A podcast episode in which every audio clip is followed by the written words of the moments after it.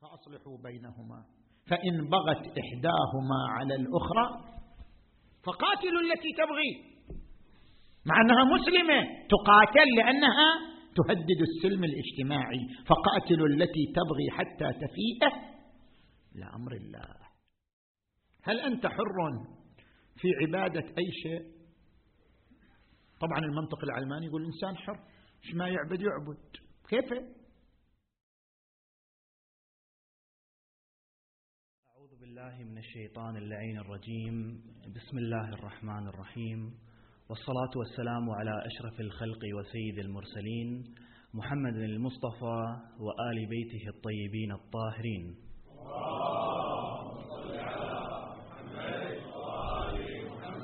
رب اشرح لي صدري ويسر لي أمري واحلل عقدة من لساني يفقه قولي.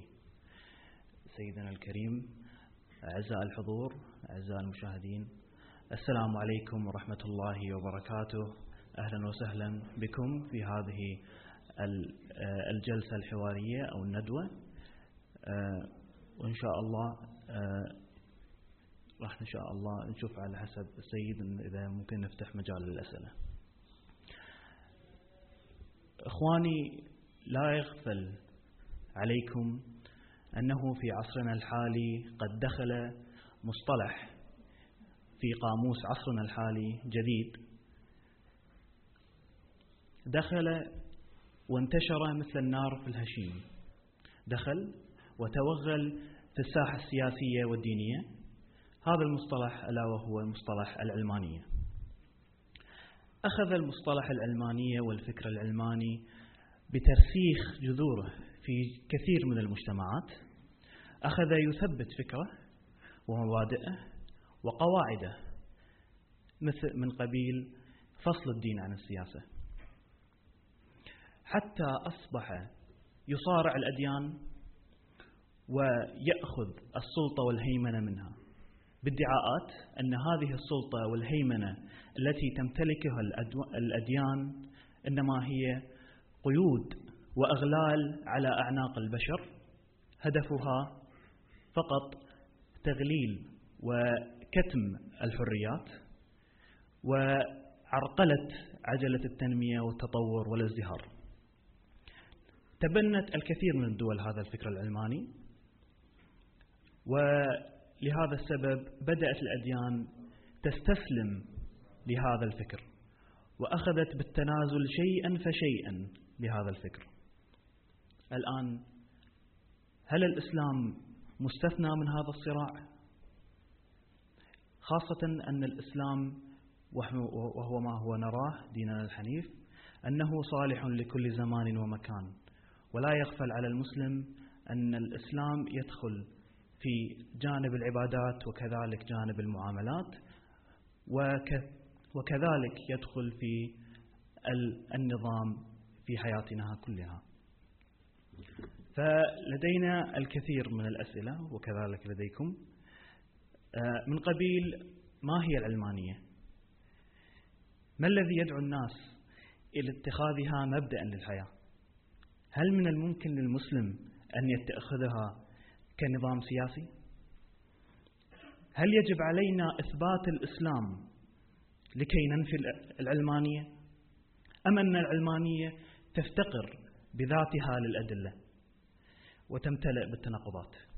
هذه الأسئلة نضعها لسماحة السيد منير الخباز وهو آه، متخصص ومتبحر في آه، العصر الحديث وكثير من الإشكالات فيه. ومثل ما رأيتم بحثه في هذا الشهر شهر محرم. فبإذن الله آه، نتركه نترك هذه الأسئلة للسيد مسبوقا بالصلاة على محمد وآل محمد.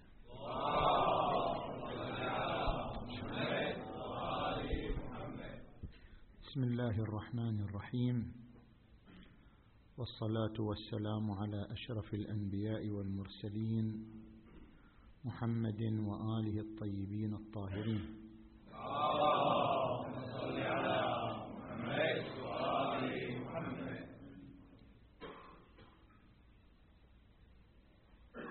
حديثنا حول العلمانية من خلال عدة محاور نتناولها تناولا سريعا لنفتح المجال إلى الاسئله حول ذلك. المحور الأول ما هو تعريف العلمانية؟ هناك طبعا جدل في أنها علمانية أم علمانية بالفتح أم بالكسر. وقد تعرض لهذا الجدل المنظر العلماني عزيز عظمة في كتابه العلمانية من منظور مختلف. كما تعرض للبحث حول تحديد العلمانية الدكتور عبد الوهاب المسيري المصري في كتابه العلمانية الجزئية والعلمانية الشاملة. وإذا رجعنا إلى معجم أكسفورد فإن تفسيرات ما ذكره في المعجم أيضا متعددة. بعضهم جعل العلمانية بمعنى اللاديني وبعضهم جعل العلماني بمعنى ما كان متكئا على الجمهور. وبعضهم جعل العلماني بمعنى ما أخذ أفكاره من العلم وحده لا من غيره. فهناك عدة تفسيرات لما ذكر في معجم أكسفورد حول تعريف العلمانية. عندما نأتي إلى منظر من أكبر المنظرين للعلمانية وهو هيولوك عام 1906 قال يمكن للإنسان أن يعيش بمعزل عن الدين. وهذا الكلام فسرته عدة أقلام بأن المقصود بهذا الكلام أن الإنسان يمكن أن يستغني عن الدين في حياته. ولكنه لا يمكن أن يستغني عن العلم ولا يمكن أن يستغني عن المبادئ الاجتماعية للحياة. فيمكن له أن يعيش منعزلا عن الدين ولكنه لا يمكن أن يعيش منعزلا عن العلم. العلمانية بدأت بردة فعل تجاه هيمنة الكنيسة على الحياة. ثم تطورت إلى أن اتخذت العلمانية الشاملة كما ذكر الدكتور عبد الوهاب المسيري في كتابه العلمانية الجزئية والعلمانية الشاملة. فالعلمانية الجزئية هي التي ترى أن ضرورة فصل الدين عن الدولة. فصل الدين عن النظام السياسي. والعلمانية الشاملة هي التي ترى ضرورة فصل الدين عن الحياة العامة. وبعبارة بعض العلمانيين العلمانية تعني أن تكون خارجا عن الدين لا أن تكون خارجا من الدين. أي ليس الدين مقياسا في تعاملك مع السياسة ولا تعاملك مع الطبيعة ولا تعاملك مع المجتمع والإنسان الآخر. الدين لك وحدك الدين لحياتك أنت ما لله لله وما لقيصر لقيصر. الدين لك. وليس مقياسا في حياتك العامة لا في تعاملك الاجتماعي ولا في تعاملك مع الطبيعة ولا في تعاملك مع النظام السياسي. هذا هو المحور الأول ألا وهو تعريف العلمانية كما ذكرنا. نأتي إلى المحور الثاني. ما هو ما الدليل على مشروعية العلمانية كما ما هو الدليل على مشروعية الدين؟ لدينا دين لدينا علمانية. ما هو الدليل على مشروعية الدين؟ ما هو الدليل على مشروعية العلمانية؟ الدليل على مشروعية الدين مبدأ الخلافة بمعنى أن المسلم إذا قامت لديه الأدلة على الخالقية والغائية أي قامت لديه الأدلة على أن للمجتمع البشري خالقا وعلى أن لهذا الخالق غاية وهدفا فقامت الأدلة على الخالقية والغائية. فما هي الغاية من وجود المجتمع البشري على الأرض؟ الغاية التي يطرحها الدين هي الخلافة أن يكون الإنسان خليفة لله في الأرض. مبدأ الخلافة الذي أخذ من القرآن الكريم وإذ قال ربك للملائكة إني جاعل في الأرض خليفة. وقال في آية أخرى هو أنشأكم من الأرض واستعمركم فيها. الإنسان خليفة الله في الأرض. مقتضى قانون الخلافة ونظام الخلافة أن يأخذ الإنسان جميع الحقوق ممن استخلفه. مقتضى مبدأ الخلافة أن يرجع الإنسان في سياسته في حياته في تعامله مع الطبيعة مع الإنسان الآخر مع النظام السياسي أن يرجع في كل شؤونه لمن استخلفه. لأن الإنسان ليس اصيلا في هذا الكون وإنما هو وكيل وإنما هو خليفة. فالوكيل والخليفة ليس له أن يشرع نظاما ليس له أن يبتكر نظاما. الخليفة دوره دور اتباع المستخلف. لذلك مدرك الذي يطرحه الدين هو مبدأ الخلافة كما بينا. أما عندما نأتي للعلمانية ونسأل ما هو المدرك والدليل الذي تعتمد عليه العلمانية في إثبات مشروعيتها؟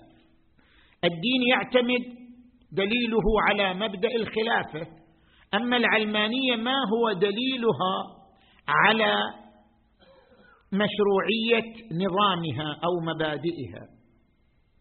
الدليل هو التجربة بمعنى أن المجتمع البشري جرب هيمنة الدين على الحياة فرآها تجربة فاشلة ذاق منها الويلات وذاق منها الكوارث. ثم جرب المجتمع البشري أن الإنسان نفسه يؤسس لحياته الكريمة على طبق نظام الأكثرية. جرب هذا النظام فرأى هذا النظام نافعا. إذا هناك هدف ألا وهو تأمين الحياة الكريمة. وهناك وسيلة لهذا الهدف ألا وهو نظام الأكثرية. المجتمع البشري جرب تأمين الهدف وهو تحصيل الحياة الكريمة بنظام الأكثرية فرآها تجربة ناجحة. بذلك استطاع الإنسان أن يبني حضارة. بذلك استطاع الإنسان يتخلص من كوارث الظلم والاعتداء. اذا دليل العلمانية على مشروعية نظامها هو التجربة. أن التجربة أثبتت أن تأمين الحياة الكريمة عبر نظام الأكثرية هي التجربة الناجحة في ضمان هذا الهدف فهذا هو دليل مشروعية العلمانية. نحن ما هي ملاحظتنا على الاستناد لهذا الدليل؟ عندما نقارن بين دليل مشروعية الدين دليل مشروعية العلمانية. دليل مشروعية الدين دليل واضح وثابت لا يتغير بمرور الزمن ولا بتغير المجتمعات ولا بتغير الظروف.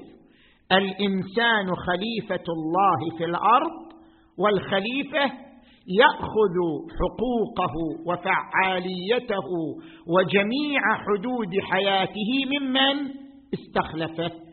قال تبارك وتعالى وربك يخلق ما يشاء ويختار ما كان لهم الخيره هو خلقك وهو يختار ما هو خير لك. أما الدليل دليل مشروعية العلمانية دليل مرن دليل غير منضبط لأن الدليل هو التجربة. قامت التجربة حتى الآن يعني لنفترض من عام ألف وستمائة ومثلا آه، أربعة وستين من أو ثمانية وأربعين منذ أن اندلعت الثورة على الكنيسة. منذ ذلك الآن إلى الآن لنفترض أننا أقمنا تجربة وهي تأمين الحياة الكريمة اعتمادا على نظام الأكثرية. وجدنا أن هذه التجربة ناجحة مثلا. لكن نقول بما أن الدليل هو التجربة والتجربة دليل يختلف باختلاف المجتمعات يختلف باختلاف العصور يختلف باختلاف الإيديولوجيات والثقافة. هذه التجربة تضعها في مجتمع إفريقي ينتج بها نتاج تضعها في مجتمع أوروبي ينتج نتاج آخر. تضعها في مجتمع مسلم ينتج نتاج ثالث. التجربة تختلف باختلاف المجتمعات تختلف باختلاف العصور تختلف باختلاف الأزمنة. فإذا جعلنا الدليل على مشروعية العلمانية هو التجربة لن يكون عندنا نظام ثابت نتبعا لمرونة التجربة واختلافها. أضرب لك مثال. لو افترضنا أن الأكثرية من أجل تأمين الحياة الكريمة شرعوا نظام زواج المحارم. كما أن الآن مثلا زواج المثليين بدأ يروج في الغرب ويصبح في مثلا أمريكا أو في بعض آه، مثلا مثلا مجالات الاتحاد الأوروبي أصبح مثلا قانونا لنفترض. لماذا؟ لأنهم يقولون من شؤون الحياة الكريمة أن يتزوج الإنسان مثله فإذا اعترفت الأكثرية بذلك فأي مانع منه؟ اذا يمكن للتجربة أن تتوصل إلى إباحة زواج المحارم. أن يتزوج الإنسان من أمه أن يتزوج الأخ من أخيه أن يتزوج الولد من أمه وما أشبه ذلك. من الممكن للتجربة من أجل تأمين الحياة الكريمة بنظر هذا الزمن بنظر هذا العصر بنظر هذا المجتمع بنظر هذا البلد. من الممكن أن تتوصل التجربة إلى ما فعله النازيون وما فعله الشوفينيون وما فعلوه هؤلاء حيث وصلت بهم وصل جري الأكثرية إلى أن العنصر النازي أفضل العناصر. إلى أن هذا العنصر مثلا الفارسي العربي أفضل العناصر. فمن أجل أن يضمن حياة كريمة هانئة يتخلص من العنصر الآخر.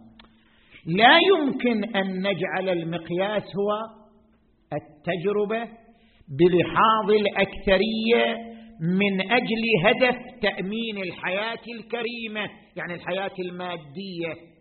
إذا كان هذا هو الهدف تأمين الحياة المادية والوسيلة هي نظام الأكثرية والذي قد يختلف باختلاف المجتمعات واختلاف الإيديولوجيات اذا من الممكن أن تؤدي التجربة إلى ما يتنافى مع القيم الإنسانية الفطرية.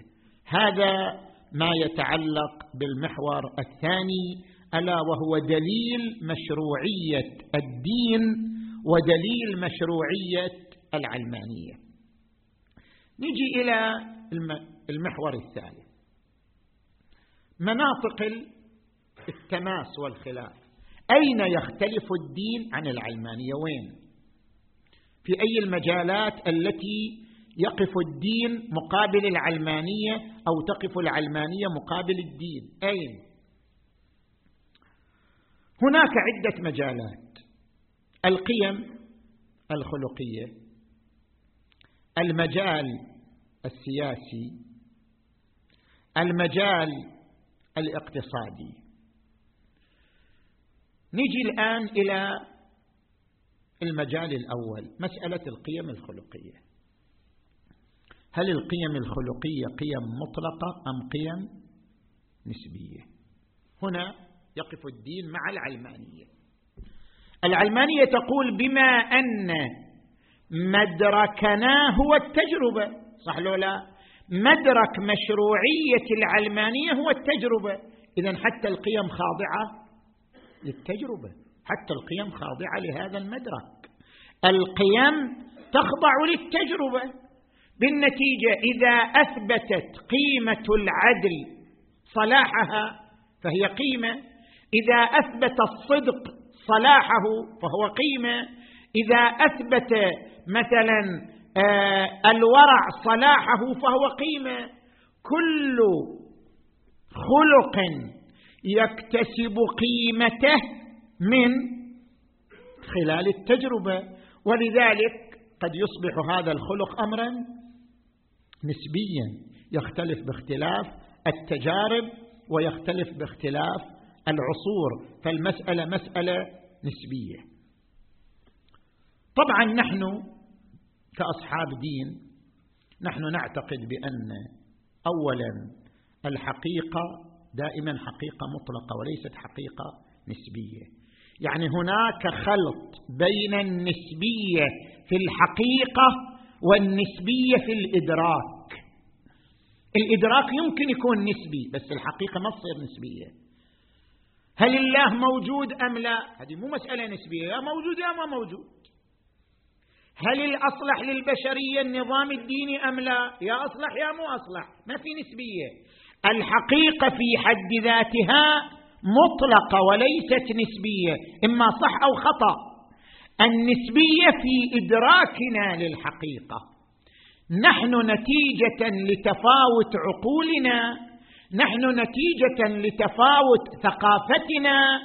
يكون إدراكنا للحقيقة ادراكا نسبيا متفاوتا. أما الحقيقة فهي ليست امرا نسبيا. النسبية في الإدراك لا في الحقيقة. هذا اولا. ثانيا القيم الخلقية.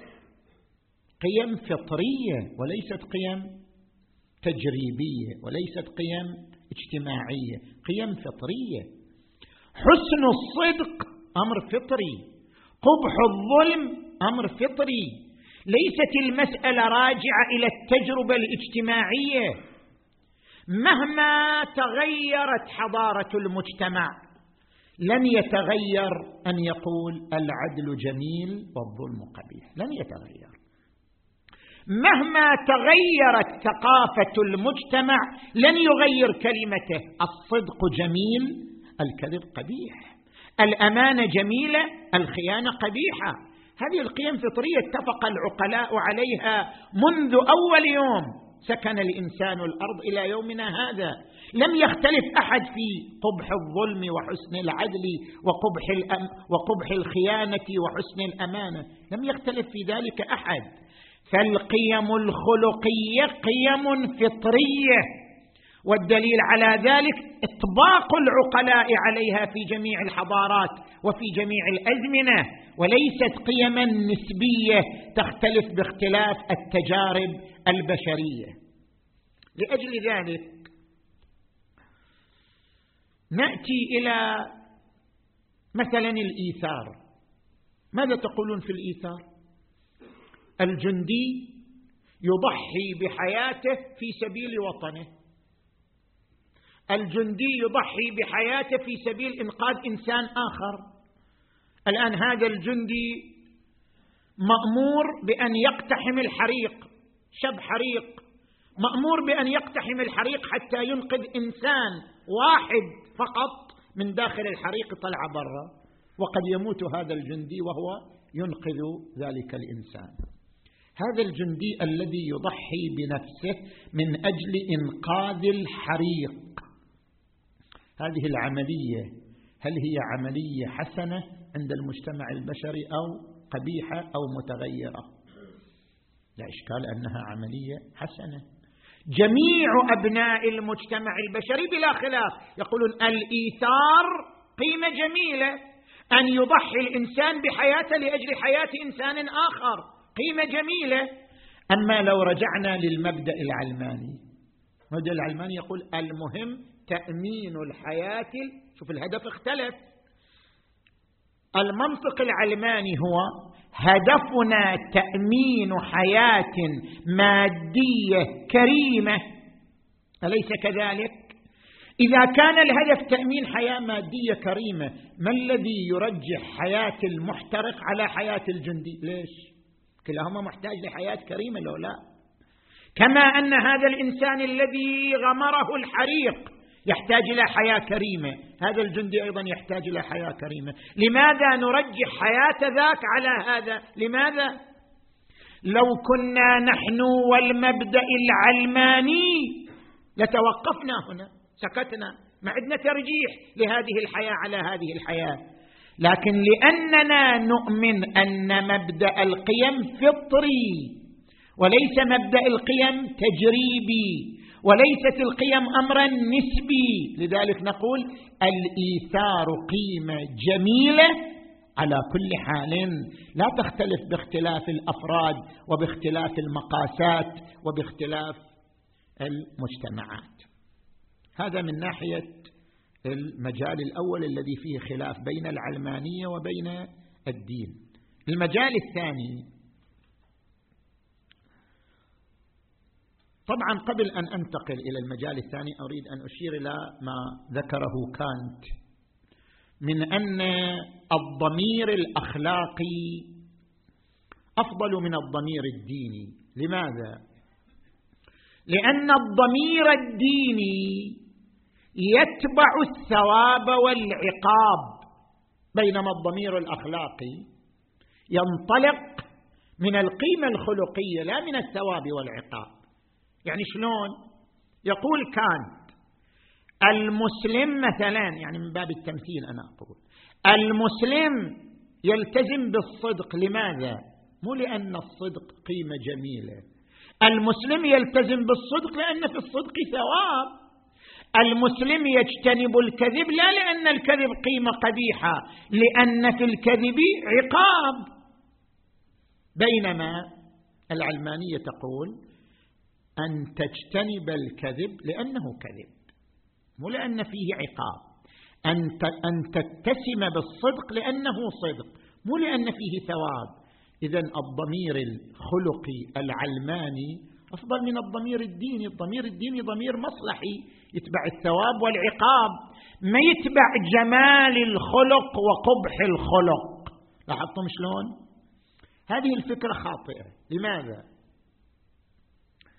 الثواب والعقاب في منظور الدين ليس مقياسا في الخلق هو مجرد محفز أو رادع مو أكثر من ذلك.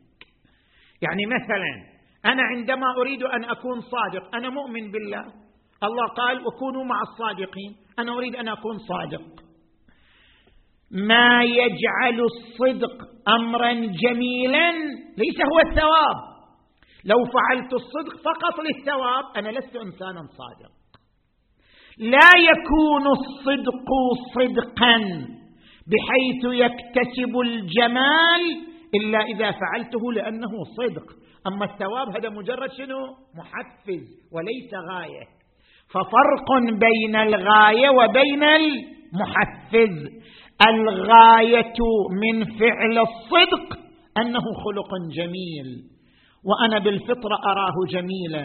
أما الثواب مجرد شنو؟ مجرد محفز كما أحفز أولادي أحيانا ببعض الجوائز. العقاب أيضا رادع وليس غاية. أنا أترك الكذب مو لأجل العقاب العقاب مجرد رادع لا أكثر. أترك الكذب لأنه قبيح وإلا لا يكون عملي عملا خلقيا. فاذا الإسلام عندما وضع الثواب على الفضائل ووضع العقاب على الرذائل لا لأجل أن تتحول إلى أهداف وإلى غايات لا تبقى الأخلاق هي الأخلاق. وإنما وضع الثواب بمجرد شنو؟ أنه محفز أو رادع يعني لكي يضمن بقاء الأخلاق وثباتها وضع بعض المحفزات وضع بعض الروادع لا أكثر من ذلك. نجي إلى المجال الثاني. طبعا المجال الثاني هو مجال حساس وهو المجال السياسي.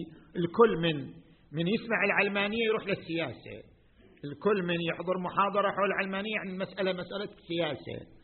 ربما كلامي الآن يصير مستغرب بالنسبة إليكم بس أنا أطرح هذا الكلام.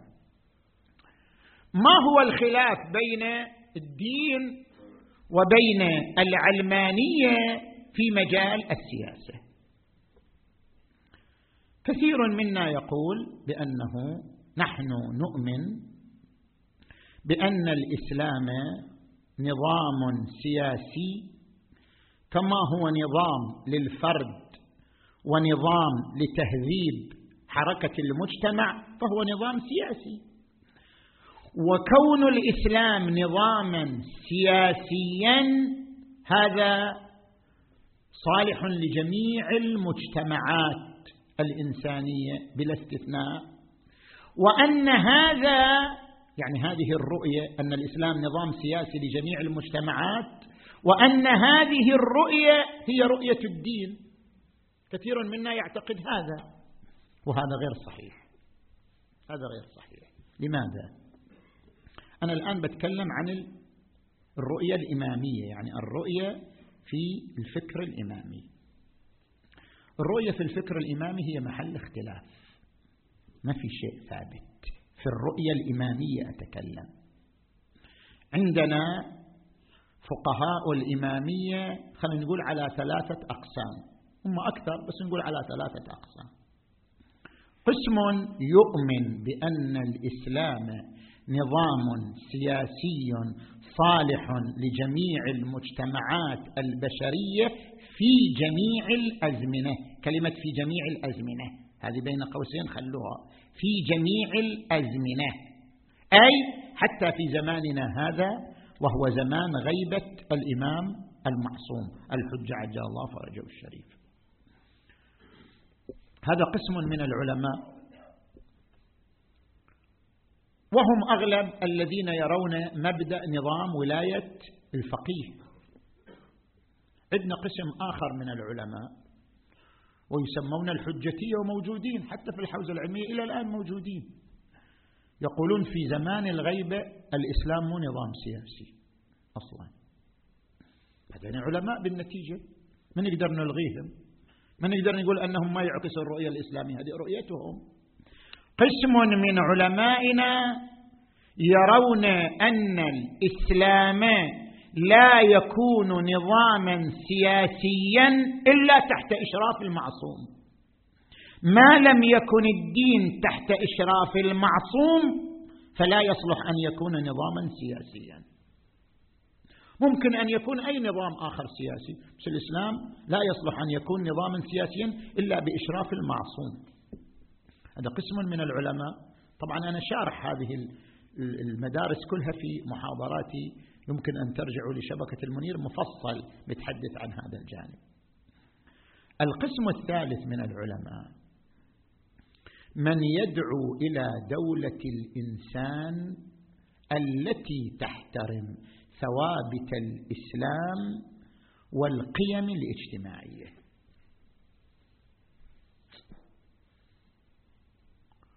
الآن من باب المثال العراق مجتمع العراق مجتمع متنوع أديان متعددة في العراق مذاهب متعددة في العراق إيديولوجيات مختلفة في العراق. ما هو النظام الصالح؟ نتكلم في النظام السياسي. ما هو النظام السياسي الصالح لهذا المجتمع المتنوع دينيا ايديولوجيا؟ نلاحظ أن بعض مراجع النجف دعا إلى الدولة المدنية. وقال بأن النظام الصالح دولة مدنية تعتمد صندوق الاقتراع فقط بشرطين تحترم ثوابت الإسلام مثل الصلوات المساجد مثلا عدم البارات عدم الخمور ثوابت الإسلام يعني الأشياء الثابتة مو الأشياء النظرية التي يختلف فيها الفقهاء ويختلف فيها المذاهب. ما نتكلم عما تختلف فيه المذاهب وتختلف فيه الفقهاء. ثوابت يعني التي أجمع كل المسلمين عليها. بشرط أن تحترم ثوابت الإسلام وتحترم القيم الاجتماعية للمجتمع العراقي. المجتمع العراقي إلى قيم أعراف كنت تحترمها الدولة. إذا عندنا الفقهاء صاروا على كم؟ ثلاثة أقسام. ليس عندنا رؤية فقهية إجماعية يعني عند جميع الفقهاء أن الإسلام نظام سياسي في زمن الغيبة صالح لجميع المجتمعات والأزمنة. بل عندنا قسم من الفقهاء يقول في زمن الغيبه في المجتمعات المتنوعة النظام الصالح هو النظام المدني الذي يعتمد على احترام ثوابت الإسلام واحترام القيم الاجتماعية. اذا نستطيع أن نقول الاختلاف بين العلمانية وبين الدين في المجال السياسي هو خلاف في بعض النقاط. ليس الخلاف في أصل كون الإسلام نظاما سياسيا أم لا؟ لأن هذه المسألة هي أيضا محل اختلاف عند شنو؟ عند علماء الدين أنفسهم. اذا بالنتيجة الإسلام كما ذكر أيضا بعض مراجع النجف حيث لا يمكننا هذا تعبيره. حيث لا يمكننا إقامة دولة الإسلام فندعو إلى دولة الإنسان. دولة الإنسان يعني دولة مدنية تحترم الحقوق المدنية تعتمد على صندوق الاقتراع تحترم ثوابت الإسلام والقيم الاجتماعية للمجتمع. زين. هذا من ناحية مجال السياسي. نجي إلى نقطة أخرى. إذا أنا أطلت عليكم قولوا أطلت حتى أقطع الموضوع وخلي المجال للأسئلة. نعم؟ مأجور يعني أطول وأخلي مأجور عام يعني. مأجور يعني شنو؟ كلمة مأجور هذه يعني تعطشين الموضوع. المفردة الثانية مما يتعلق بالمجال السياسي مسألة العقد الاجتماعي. روسو الذي كتب عنه موضوع العقد الاجتماعي. هل الإسلام يرى العقد الاجتماعي أو لا؟ نعم يرى. العقد الاجتماعي عقد بعد. كل العقود نافذة. القرآن الكريم يقول يا أيها الذين آمنوا أوفوا بالعقود. عقد هذا. العقد الاجتماعي عقد. عقد نافذ شرعا. إنما الكلام في شروطه. شروط. العقد الاجتماعي أن نقيم نظاما سياسيا على طبق صندوق الاقتراع.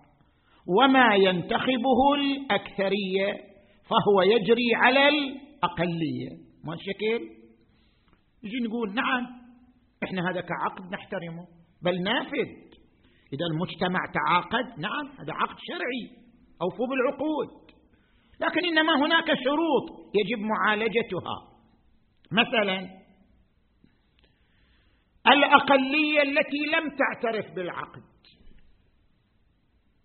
كيف نضمن لها حقها؟ هذا سؤال. السؤال الثاني الجيل الذي لم يدرك العقد هذا عقد اجتماعي مثلا صار له خمسين سنة في بلدنا. الآن أبنائنا أبناء عشرين أبناء ثلاثين ما عاشوا تلك الفترة. فما دخل ضمن العقد؟ كيف نطبق العقد عليهم؟ لابد أن نضع عند صياغتنا للعقد الاجتماعي أن نضع شروطا تعالج هاتين النقطتين. نقطة الأقلية التي لا تعترف بالعقد. نقطة الجيل الذي لم يدرك زمن العقد. فنحن لا ننكر العقد. إنما نقول يحتاج العقد الاجتماعي إلى معالجات تضمن هاتين النقطتين. لا أن العقد الاجتماعي لاغ من أصله ومن أساسه ومن رأسه. فإحنا بحثنا وحوارنا مع العلمانية في علاج هاتين النقطتين. زين.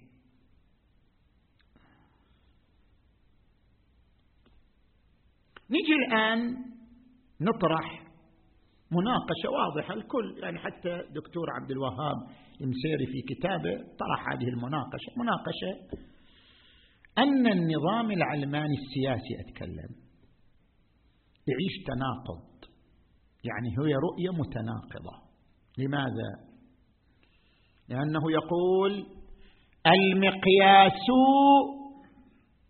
صندوق الاقتراع. المقياس انتخاب الأكثرية. لكن لو انتخبت الأكثرية الإسلام لا. ما يصير لماذا؟ لأن الأكثرية إذا انتخبت الإسلام سوف تكون قد انتخبت نظاما شموليا دكتاتوريا وهذا نقض لمبادئ العلمانية. هنا نوع من التناقض في الرؤية العلمانية. من جهة هي تقول المقياس صندوق الاقتراع. المقياس انتخاب الأكثرية. هذا هو المقياس عندنا. صح؟ هذا المقياس. بس الأكثرية هم مسلمين. أكثرية متدينين. أكثر مثلا الشعب الكويتي الشعب العراقي الشعب الإيراني الشعب ال... أي شعب. مسلمين متدينين لنفترض. اختاروا النظام الإسلامي. قالوا ما نريد إلا الإسلام يحكمنا. يقول لك لا هنا لا ما, ما نأخذ. لماذا؟ لأننا لو أخذنا بالإسلام والإسلام نظام شمولي. يعني يقصي الأنظمة الأخرى إن الدين عند الله الإسلام. فإذا صارت نتيجة الصندوق صندوق الاقتراع نظام الإسلام هذا طعن في مبادئ العلمانية. لذلك ما يمكن نقبلها. هنا تعيش الرؤية العلمانية تناقضا. أما بحسب الدين نحن قلنا من الأول إما أن نختار النظام الإسلامي فهو على كل حال انتخب أو ما انتخب. أو نختار صندوق الاقتراع نقبل بصندوق الاقتراع لكن بشرطين عدم معارضة ثوابت الإسلام واحترام القيم الاجتماعية. فنحن ما نعيش مشكلة. هذه المشكلة هذا التناقض نحن لا نعيشه كرؤية دينية زين. نجي إلى المحور الأخير في حديثنا وهو بعض المناقشات البسيطة المختصرة إلى مبدأ العلمانية. طبعا العلمانية فلسفة هي فلسفة للحياة مقابل فلسفة الدين للحياة. المناقشة الأولى القيم التي ترفعها العلمانية حرية مساواة إخاء. هل هذه المبادئ مبادئ مطلقة أم لا؟ نجي إلى مسألة الحرية. الحرية القرآن أيضا يدعو لمبدأ الحرية. لا إكراه في الدين. قد تبين الرشد من الغي. القرآن هم يقول فمن شاء فليؤمن ومن شاء فليكفر. زين. اذا أين الخلاف؟ هل الحرية الفكرية مطلقة أم لا؟ نحن نقول كدين لا ليست الحرية الفكرية مطلقة.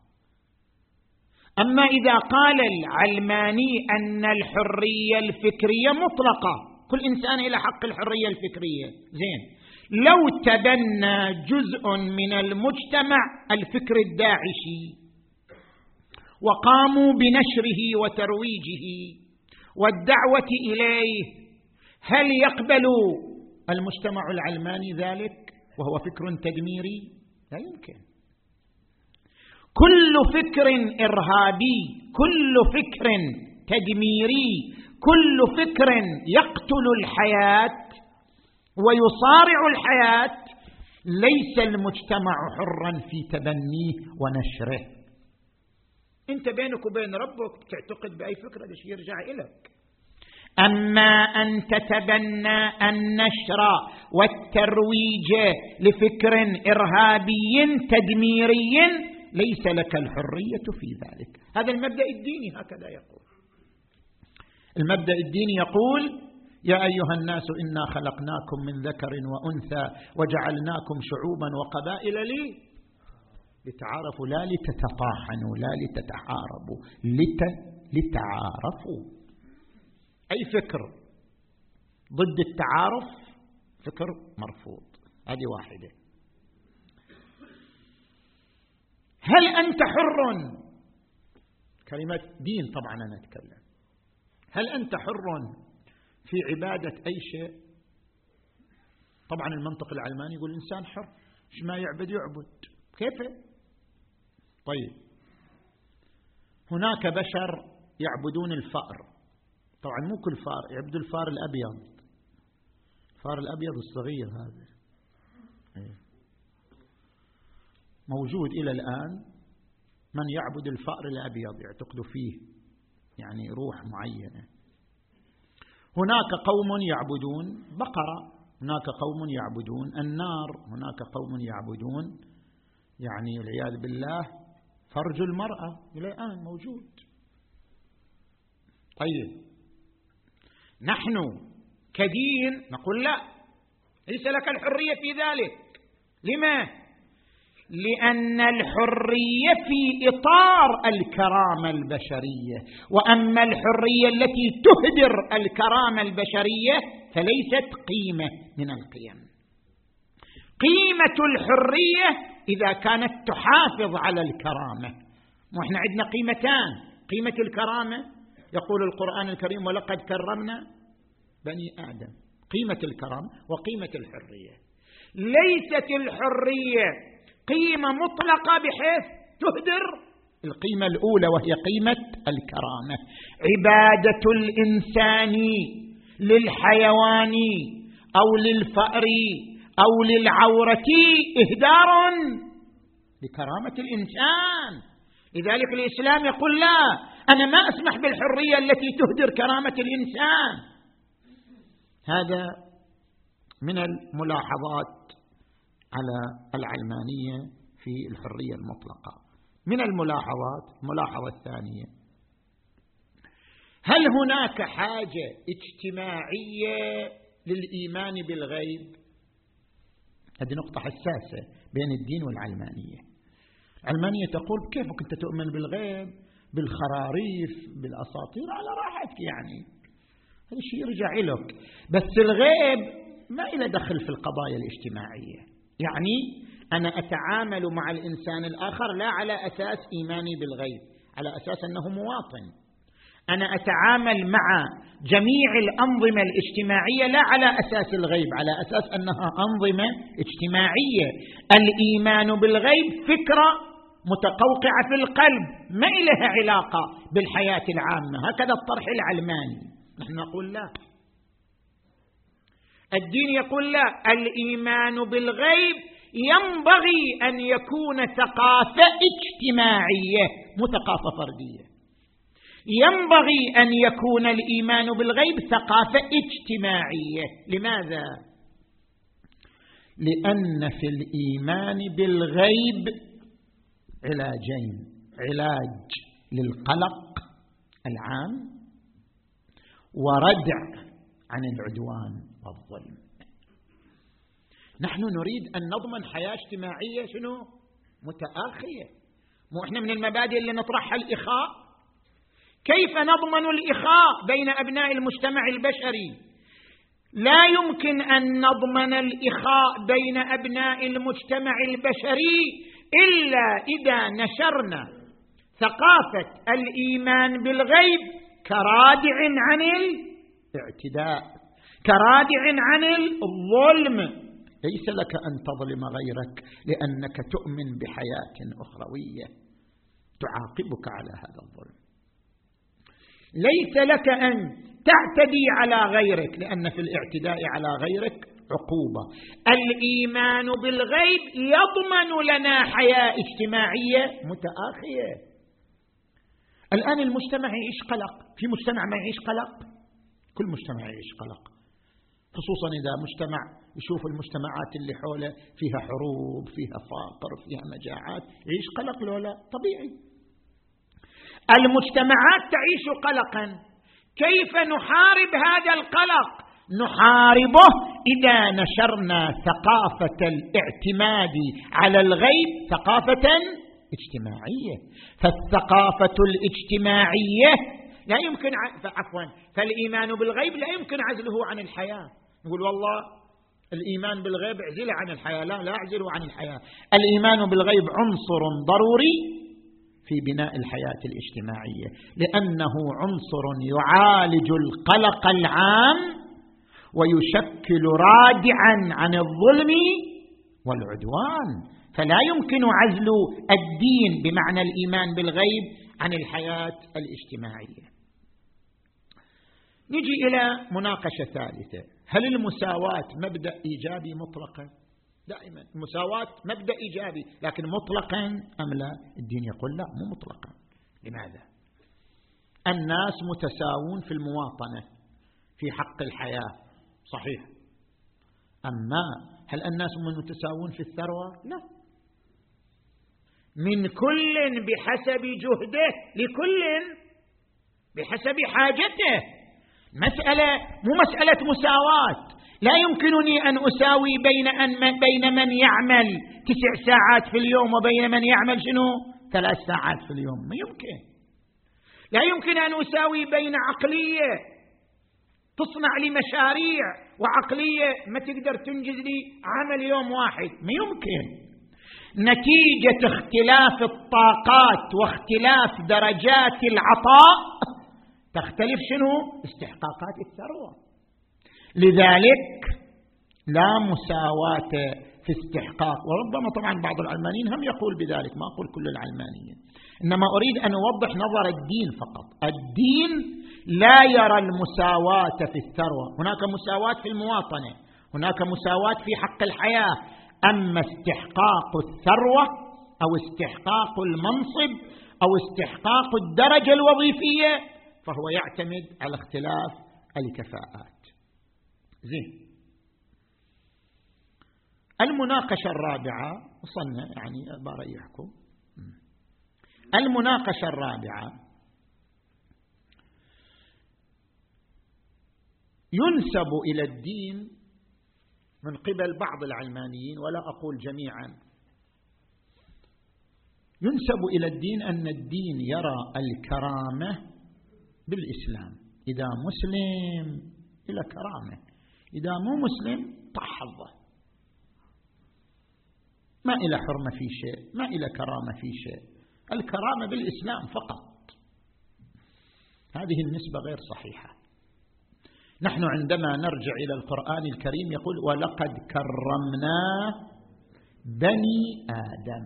مو المسلم بني آدم. الإنسان لأنه إنسان. صاحب كرامة الدين.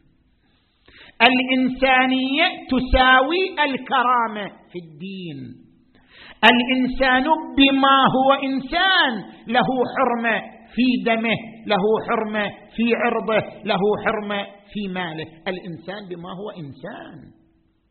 نعم إذا تحول إلى عدواني لا كرامة له. حتى لو كان شنو؟ مسلم.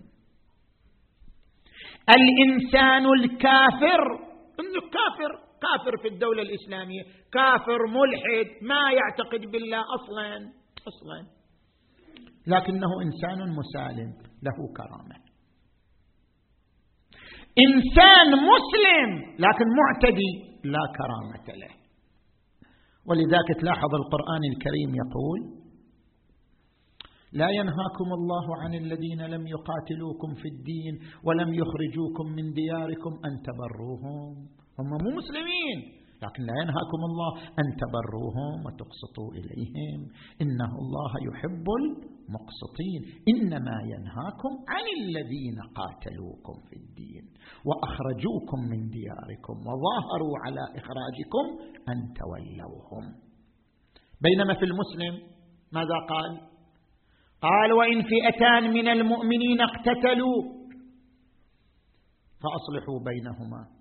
فإن بغت إحداهما على الأخرى فقاتلوا التي تبغي مع أنها مسلمة تقاتل لأنها تهدد السلم الاجتماعي فقاتلوا التي تبغي حتى تفيء لأمر الله. المناط في الكرامة الإنسان وليس المناط في الكرامة شنو؟ الإسلام.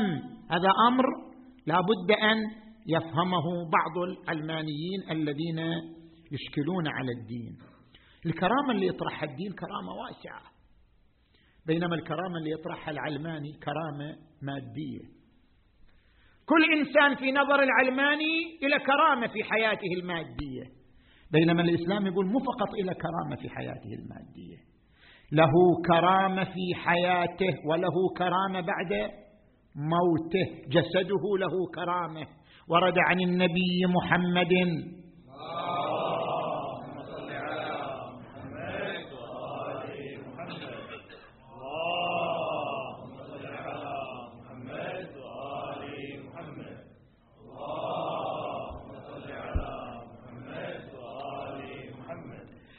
إن حرمة المي إن حرمة المؤمن ميتا كحرمته حيا. والحرمة تشمل الجانب المعنوي. ما تختص بالجانب المادي؟ لا يجوز غيبته. العلماني ما يقول لك حرام الغيبة. يقول لك لا تشهر مصيبته ما لي علاقة. الإسلام يقول لا. يحرم غيبته. يحرم إساءة الظن به. أعظم من الغيبة. يحرم إساءة الظن به يحرم غيبته يحرم الكذب عليه رعاية لكرامته. فالكرامة التي يطرحها الإسلام كرامة واسعة تشمل الجانب المادي والجانب المعنوي. المناقشة الأخيرة مسألة الاقتصاد.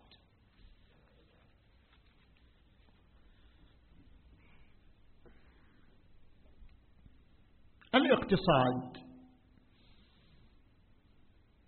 لا يخرج عن القيم الخلقية. وهنا نختلف مع العلمانية. المنطق العلماني يقول هذا اقتصاد وش له علاقة بالأخلاق؟ اقتصاد هذا.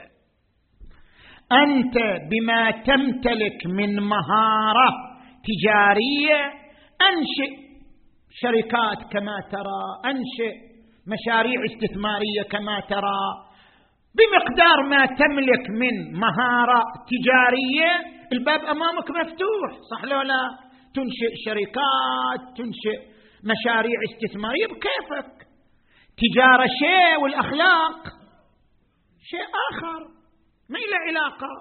نقول لا الدين يقول القيم الدينية تحكم حتى حركة الاقتصاد. القيم الدينية تحكم حتى حركة التجارة. القيم الدينية تحكم حتى حركة الاستثمار. ولذلك الإسلام يحرم الربا. ليش حرم الربا؟ لأن الربا يرسخ الطبقية. يعني طبقة رأسمالية وطبقة فقيرة. طبقة فقيرة تستقرض قروض. استهلاكية. يقترض حتى يبني بيت المسكين. يقترض حتى يشتري السيارة المسكين. يقترض حتى يتزوج المسكين. ويبقى مثقلا بالديون وفوائد الديون إلى أن حطوه بقبر المسكين. صح لو لا؟ مجتمع الأصمالي هو الشكل بعد. مجتمع البنك الربوي يرسخ الطبقية. الدين يقول لا. حتى لو كان النظام الربوي يوفر الحياة الكريمة لطبقة معينة لكن الدين هو اقتصاد ضمن شنو؟ ضمن قيم وليس اقتصاد متحرر من القيم. لذلك يقول لا بد من استبدال النظام الربوي بالنظام المضاربة. نظام المضاربة أنا أجي للبنك أعتبر البنك عامل عندي. هذه أموالي. تبقى لي. والبنك يشتغل عندي في أموالي. يتاجر بها. لي نسبة من الربح. وله نسبة من الربح. مقابل عمله. وليست المسألة ترجع إلى شنو؟ فوائد ربوية. النظام الذي يضمن يد عامله ويرفع الفوائد الربوية فلا يثقل على العامل هو نظام شنو؟ نظام المضاربة. تم كلامي. الحمد لله رب العالمين. والصلاة والسلام على محمد وآله